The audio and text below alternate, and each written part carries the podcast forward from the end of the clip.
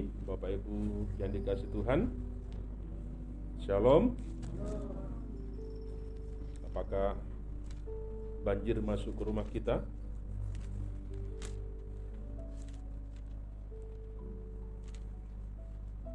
Mari kita akan melihat satu bagian firman Tuhan dalam kitab Injil Lukas pasal yang ke-6 ayat yang ke-47 sampai dengan ayat yang ke-48. Injil Lukas pasal yang ke-6 ayat yang ke-47 sampai dengan ayat yang ke-48.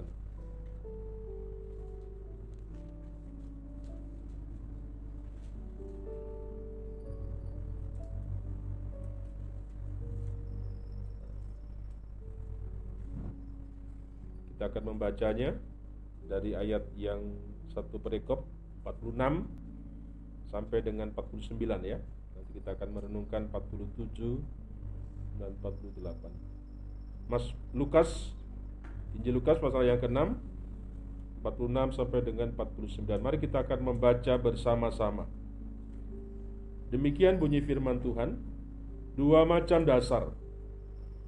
Mengapa kamu berseru kepadaku, Tuhan, Tuhan, padahal kamu tidak melakukan apa yang aku katakan.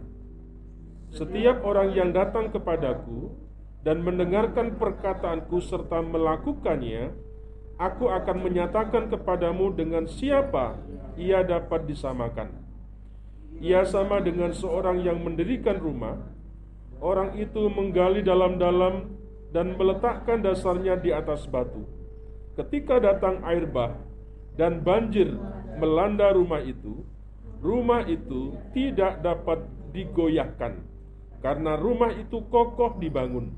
Akan tetapi barang siapa mendengarkan perkataanku tetapi tidak melakukannya, ia sama dengan seorang yang mendirikan rumah di atas tanah tanpa dasar. Ketika banjir melandanya, rumah itu segera rubuh dan hebatlah kerusakannya.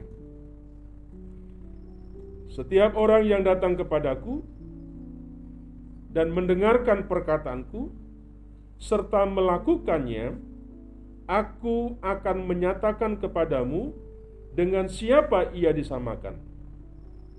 Ia sama dengan seorang yang mendirikan rumah.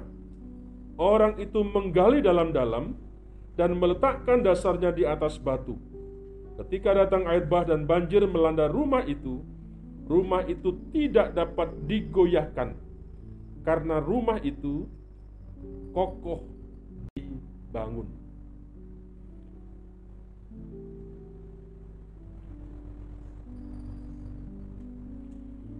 Bapak Ibu saudara dikasih Tuhan,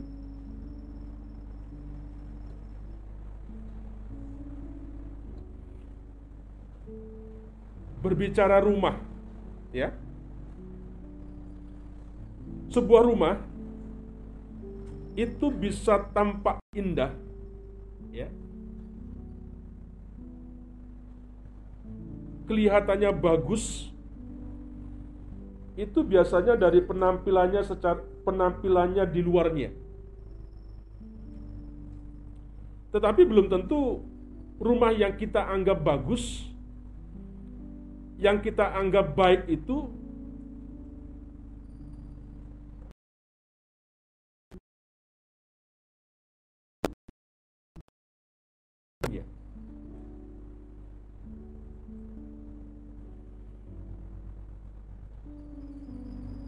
Bapak Ibu, ketika kita membeli rumah, kita harus sungguh-sungguh sebenarnya harus memperhatikan tentang rumah yang sedang dibangun. Ya, tetapi Bapak Ibu, eh, fenomena yang terjadi hari ini, Bapak Ibu, eh, rumah begitu dipolos dengan bagus, dengan cantik, dengan asri, kira-kira begitu, sehingga banyak orang kemudian tertarik ya. Karena orang lebih tertarik kepada penampilan. Lihatnya yang di luar casingnya sangat menarik. Nah tetapi ketika membeli ternyata hasilnya tidak seperti apa yang kita harapkan. Nah, Bapak Saudara, apa yang penting kalau kita melihat rumah itu adalah berbicara tentang pondasi. Ya, tadi kita membaca bagaimana rumah itu kuat, bagaimana rumah itu bisa kokoh. Itu bagaimana pondasi seperti itu. Kalau Bapak mau lihat rumah di sini, ya, kalau Bapak berkunjung ke apa sebelah di situ, Bapak Ibu berbeda. Ya. Saya melihat kedalaman daripada pondasinya itu tidak sama dengan di sini. Ya. Kalau di sini bataku, bataku yang masih empuk sudah ditata begitu, nanti kering uh, pada waktunya dalam prosesnya. Tetapi di itu Bapak, Bapak Ibu perhatikan, ya itu dibangun dari batu bata. Ya. Wajar kalau di satu juta, kalau di sana berapa? 2 juta katanya begitu. Bapak Ibu, penting ya kita memperhatikan tentang rumah ya. Nah, pondasi merupakan sesuatu yang sangat penting dalam sebuah bangunan. Kenapa di situlah sebagai satu satu dasar satu tumpuan beban nanti yang akan dipikul akan yang ditanggung ya sehingga itu akan menjadi sebuah kekuatan ke depan tentang bangunan yang kita miliki.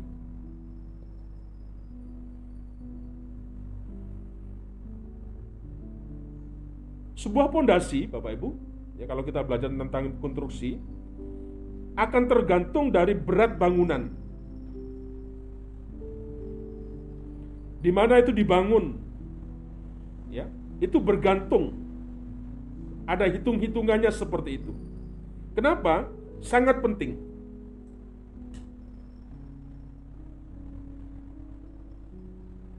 Kalau rumah saja Bapak Ibu ada satu sesuatu yang sangat penting yang berkaitan dengan pondasi. Ya, bangunan itu sangat-sangat menentukan selalu bagaimana pondasinya. Apakah nanti perlu cakar ayam karena karena teksturnya tanah yang mungkin labil dan sebagainya.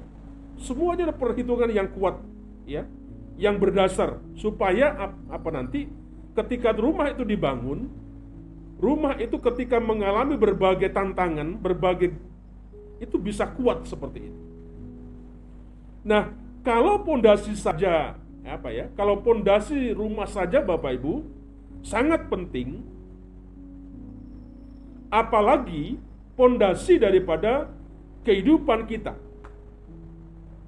ya kalau pondasi rumah sangat penting, apalagi berbicara tentang pondasi daripada kehidupan kita orang orang percaya. Kita tahu Bapak Ibu bahwa kehidupan ini tidak mudah untuk dijalani. Selalu ada masalah. Ya. Ada tekanan. Ada sebuah problem yang selalu kita jumpai dari hari ke hari. Dan itu semua akan muncul dari waktu dari waktu sampai ke waktu.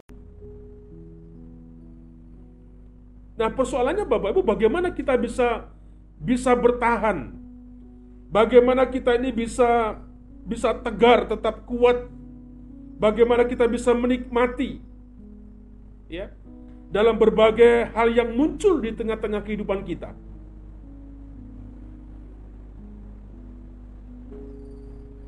kalau pondasi kita le, lemah.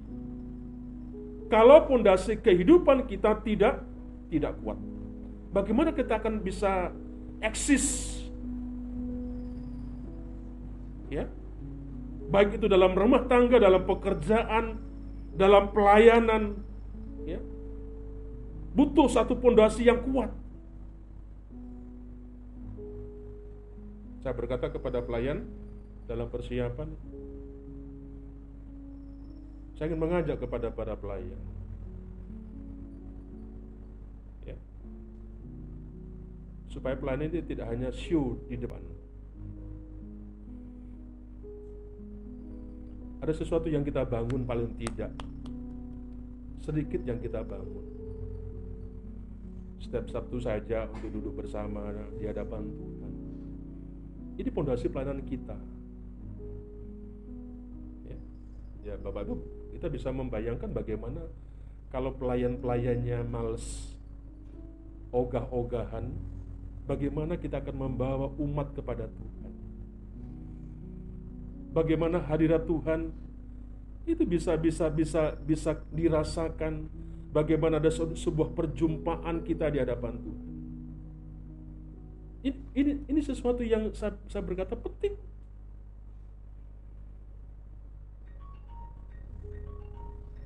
Ya. Kekuatan kita, Bapak Ibu, hanya satu di tengah-tengah pelayanan kita. Itu modalnya kita yang kuat.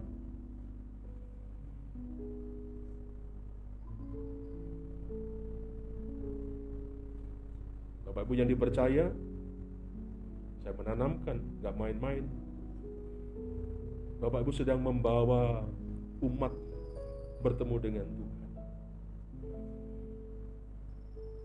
Ya kalau kita pelan-pelannya saja pondasinya begitu bagaimana seperti itu. Sama dengan hal-hal yang lain di bidang-bidang yang lain. Kalau tidak makan rapuh, dalam keluarga kita juga akan rapuh seperti. Kenapa? Karena tantangan-tantangan ada saja yang muncul yang bisa kemudian melemahkan kita. Jujur Bapak Ibu kadang-kala dengan masalah yang kecil yang bahasanya seperti angin spoi-spoi begitu kita ambruk kita hancur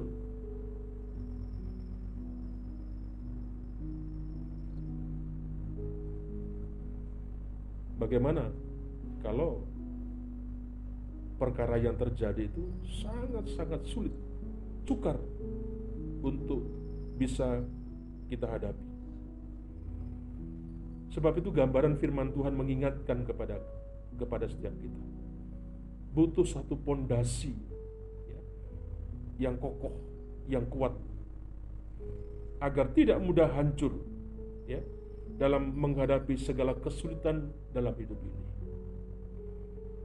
Bapak Ibu, hari-hari ini kita bisa melihat cuaca yang ekstrim seperti ini. Kalau kita memperhatikan tentang apa yang terjadi di sekeliling kita.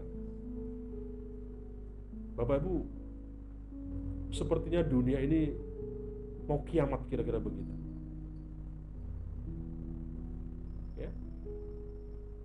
Kadang-kadang kalau kita membayar seperti itu. Belum lagi dengan pandemi COVID yang 19 ini yang tidak selesai-selesai.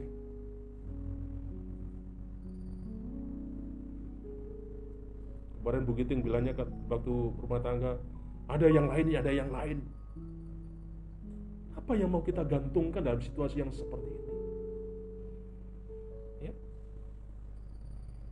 Banyak perusahaan-perusahaan yang mulai goyah, banyak perusahaan-perusahaan yang mulai bangkrut, Bagaimana hotel-hotel di apa di di, di Jakarta sudah nggak tahan, ya banyak yang dijual seperti itu.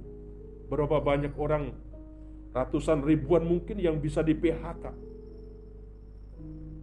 Bapak Ibu ini situasi yang kadang kala ini yang yang sedang terjadi di tengah-tengah negeri kita. Saya tidak tahu secara persis apa yang sedang sedang terjadi dalam kehidupan Bapak Ibu seperti itu. Sekali lagi kalau kita tidak punya pondasi yang kuat maka gampang hancur. Kita tidak tahan. Kita tidak bisa menikmati ya. Setiap apa saja yang menerpa kita. Nah, di dalam bagian firman Tuhan yang kita baca tadi Bapak Ibu, Yesus sudah mengingatkan ya, pentingnya membangun pondasi yang kokoh sebagai dasar ya sebagai landasan untuk hidup kita. Perhatikan ayat-ayat yang ke-47 48 tadi. Setiap orang yang datang kepadaku dan mendengarkan perkataanku, ya, serta melakukannya, aku akan menyatakan kepada siapa ia dapat disamakan. Ia sama dengan seorang yang mendirikan rumah. Orang itu menggali dalam-dalam dan meletakkan rumah itu. Ya. Ketika datang air bah dan banjir melanda rumah itu, rumah itu tidak akan digoyahkan karena rumah itu kokoh dibangun. Ini yang dikatakan tuh Yesus kepada setiap kita. Nah, rumah yang dibangun dengan membuat pondasi yang jauh menembus permukaan akan kuat. Tidak akan gampang goyah. Ya, tahan badai, gempa ketika akan melanda rumah.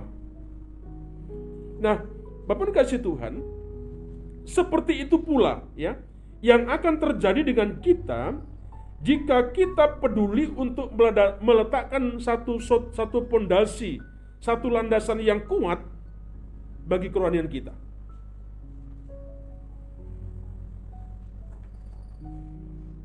Sehingga itu tadi, masalah yang silih berganti itu tidak akan pernah menghancurkan meruntuhkan kita. Tetapi sebaliknya Bapak Ibu,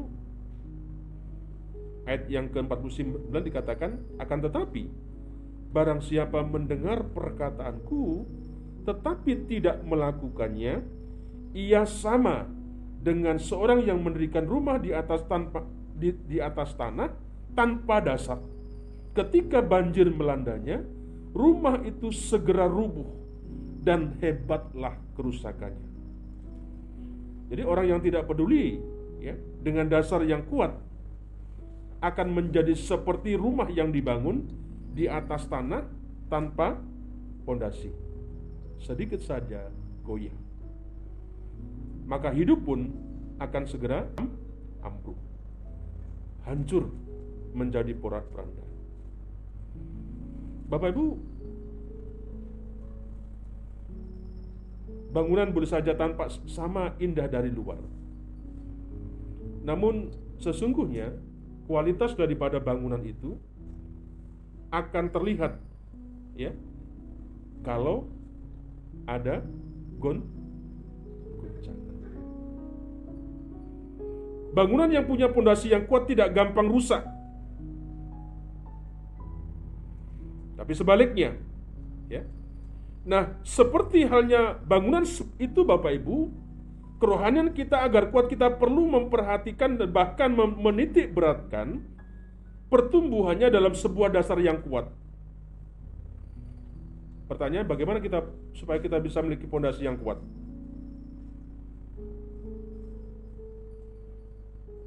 Ayat 47. Setiap orang yang datang kepadaku dan mendengarkan perkataanku serta melakukan lakukan. Setiap orang yang datang kepadaku mendengarkan perkataanku serta melakukannya. Tiga hal yang penting Bapak Ibu. Ya. Yang membuat fondasi kita ini kuat.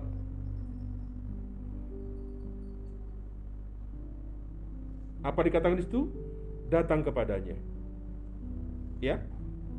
Mendengarkan perkataannya, melakukan firman-Nya.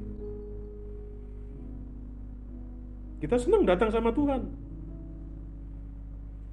Kita mungkin senang mendengarkan perkataannya.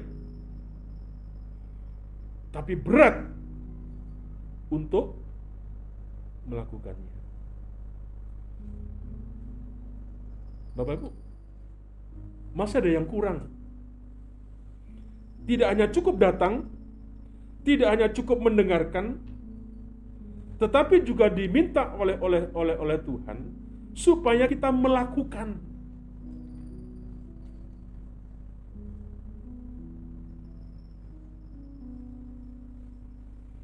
Jadi jangan, jangan berhenti pada percaya. Jangan berhenti hanya mendengar saja. Bapak Ibu tidak cukup. Ya. Tetapi ada hal yang penting lagi adalah kita disuruh untuk melanjutkan apa itu? Melakukan apa yang Tuhan ajarkan. Apa yang kita dengar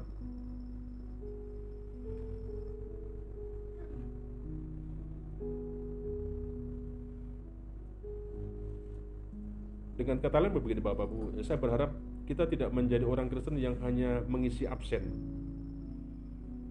Hari Minggu datang, hari Rabu datang, hari Jumat datang, hari Sabtu datang, ada setiap datang. Bagus. Ya.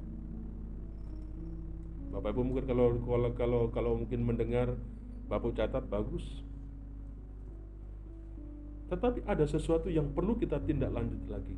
Kita melakukan. Nah inilah yang sering kali menjadi sesuatu yang kurang di dalam kehidupan kita.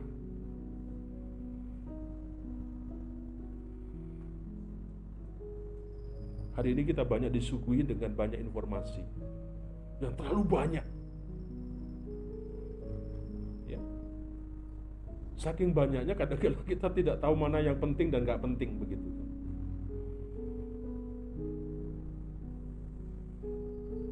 Ada banyak firman Tuhan yang diberikan kepada kita. Banyak.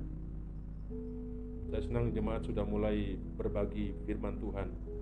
Gak tahu ngopi pasta atau dapat itu gak, gak, gak penting. Tapi paling tidak itu menjadi satu pesan memberikan sesuatu kepada satu dengan yang lain. Siapa tahu ada, ada orang membaca diberkati dengan apa yang kita bagikan seperti itu. Terlalu banyak, terlalu banyak seperti itu. Nah, Bapak kasih Tuhan, intinya kita harus melandaskan hidup kita sepenuhnya pada batu karang yang tidak lain adalah Kristus sendiri. Hari-hari ini kita sungguh diuji, ya, ditantang tidak mudah. Semua hari ini kita mengalami sesuatu yang sulit, yang sukar. Firman Tuhan mengajarkan seperti ini. Kita dengarkan. Ya, kita datang, kita dengarkan. Tetapi ada sesuatu yang berat untuk kita mau lakukan seperti itu.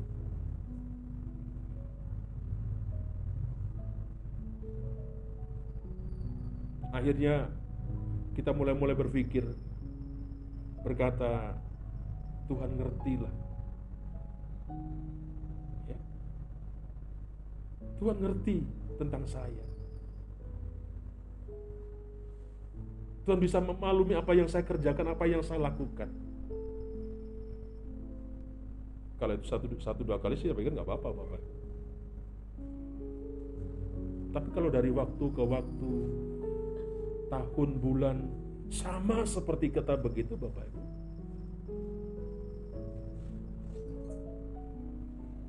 Kemarin saya ngomong ke pelayan, kira-kira request apa untuk firman Tuhan? Si Kak Ros bilang, Pak tolonglah bicara tentang akhir zaman. Bagaimana mempersiapkan diri menjadi pengantin, gitu itu sih. Waduh itu berat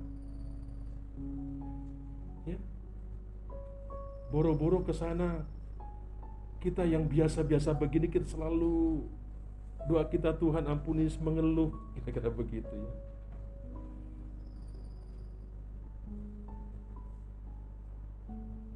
Ya memang Bapak Ibu. Apa kira-kira yang penting ya? Menurut saya sederhana Bapak Ibu. Datang sama Tuhan.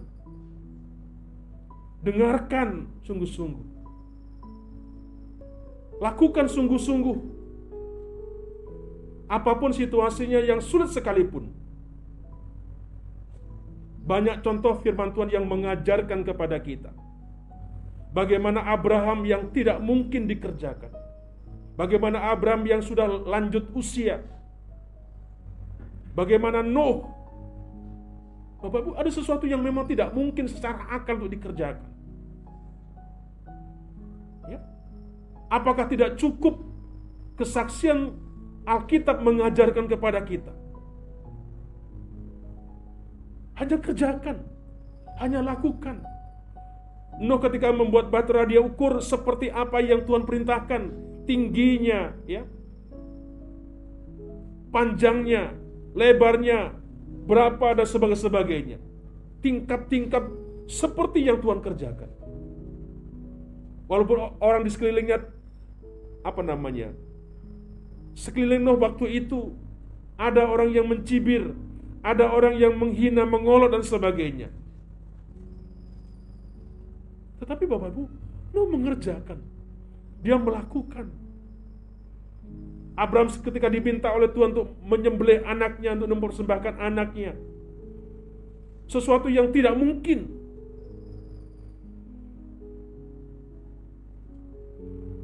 Tetapi dia lakukan. Bapak Ibu yang praktek yang sulit. Bagaimana pondasi kita bisa kuat? Ya. Tadi dikatakan, rumah itu bagus atau tidak, kuat atau tidak ketika menghadapi goncangan. Ketika menghadapi segala sesuatu. Di situlah akan keli kelihatan. Sama dengan kita. Kita rohani nggak rohani kelihatan ketika ada masalah. Seperti apa aslinya kita? Ya, sedikit ada masalah sudah us ngalang-ngalangnya orang dunia. Kasih itu lemah lembut, sabar sudah nggak ada lagi. Bapak Ibu, Mas saya ingin mengajak kepada setiap kita Kenapa saya mengajarkan dalam beberapa beberapa waktu, dalam minggu, dalam bulan ini tentang sesuatu yang saya merasa penting. Bapak Ibu, saya tidak ingin ini kondisi sekarang kita. Siapa pun mengalami sebuah kesulitan kesukaran yang sama kepada kita. Orang kaya, orang miskin mengalami hal yang sama pada seperti ini. Tapi jangan sampai kemudian kita orang-orang yang katanya punya Tuhan yang hebat. Punya Allah yang dahsyat. Kita tidak jauh berbeda dengan orang-orang dunia. Kita tidak jauh berbeda dengan mereka-mereka seperti itu. Rumah tangga kita cekcok. Ya, berantem melulu begitu kan. Bagaimana?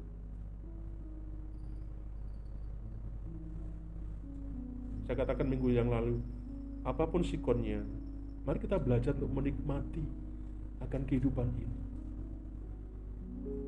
Bukan bertahan, tapi bisa menikmati. Betul, kita harus bertahan, tapi bertahan juga bisa menikmati begitu.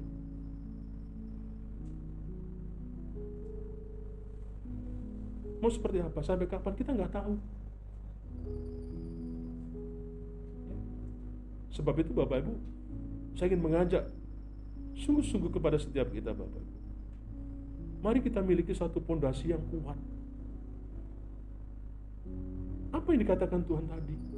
Datang sama Tuhan. Kalau kita tanya, kita datang sama Tuhan, tidak tahu uh, pemahamannya datang seperti apa. Ya. Ketika kita mendengar, seperti apa kita mendengar Apakah kita melakukan setiap perkataan Tuhan, firman Tuhan? Coba kita lihat. Atau kita hanya melakukan apa yang menjadi kesenangan kita. Ini yang senang saya kerjakan, ini yang tidak, yang berat tidak.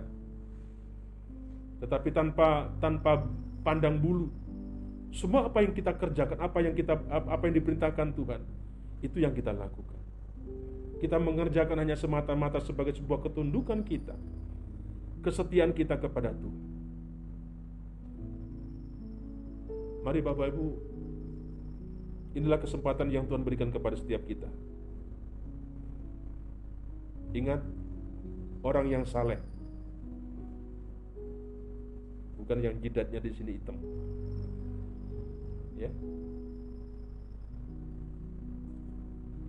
Bukan yang pakaiannya kira-kira bersorban kayak pendeta begitu. Bukan, ya. Orang saleh bukan hanya rajin berdoa.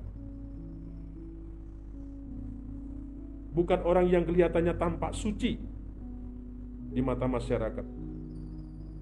Tapi sebenarnya adalah orang yang melanjutkan langkahnya ya dengan melakukan segala sesuatu ya dalam ketaatan penuh secara nyata apa yang dikatakan firman Tuhan.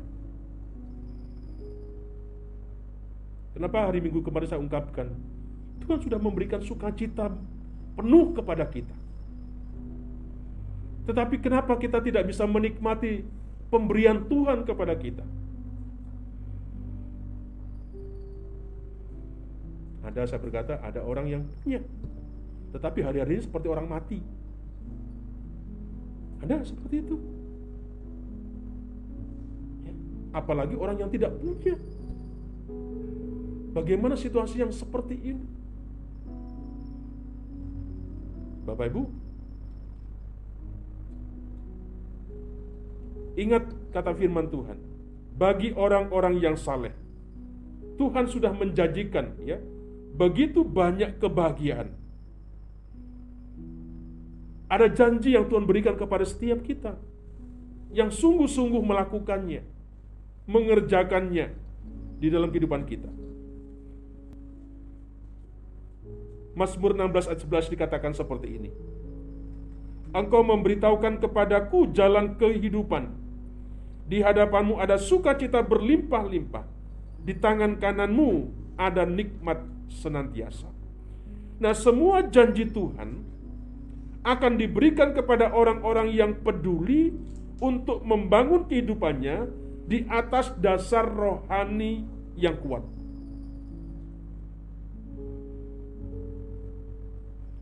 Jangan mempersoalkan ini dan itu tidak.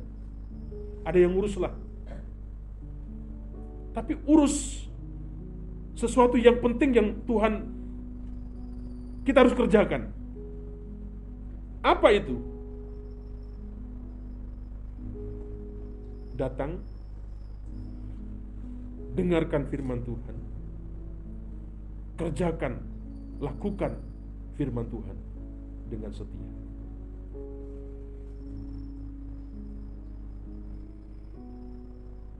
Itu saja cukup. Ya. Pak gak kerja, kerja dong. Apa yang menjadi bagian kita, tugas kita, kita kerjakan. Tapi apa yang menjadi bagian Tuhan, apa yang dimau Tuhan, apa yang diperintahkan Tuhan, mari kita kerjakan.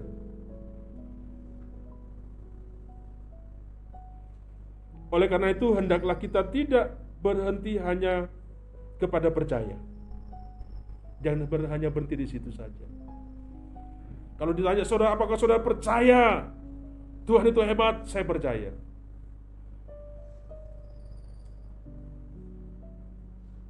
Tidak cukup hanya membaca saja.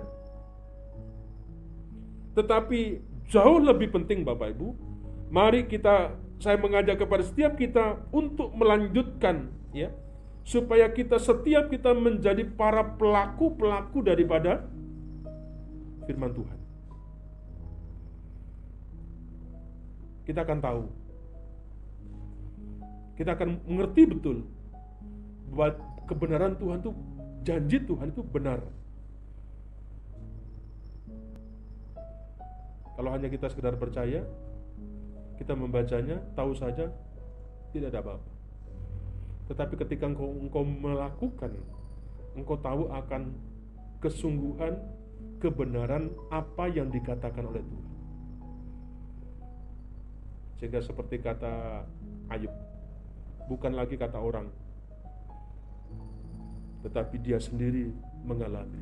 Dia tahu, karena dia melakukan, karena dia mengerjakan seperti itu. Mari sebagai akhir, mari baik-baik kita perhatikan kehidupan kita. Apakah kita sudah dibangun dengan sebuah pondasi yang kuat atau belum? Kalau belum Bapak Ibu, mari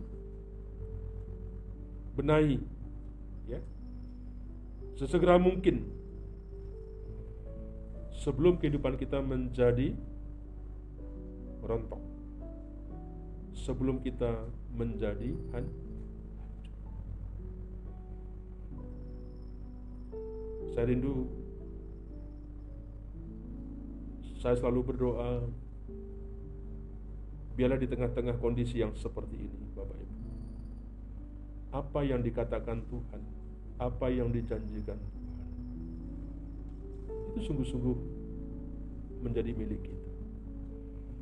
kita sudah sungguh-sungguh menggenapi, sudah sungguh-sungguh tergenapi dalam kehidupan kita. Sehingga kita akan bisa bersaksi, kita bisa bercerita tentang sesuatu yang Bapak Ibu kerjakan, yang Bapak hidupi.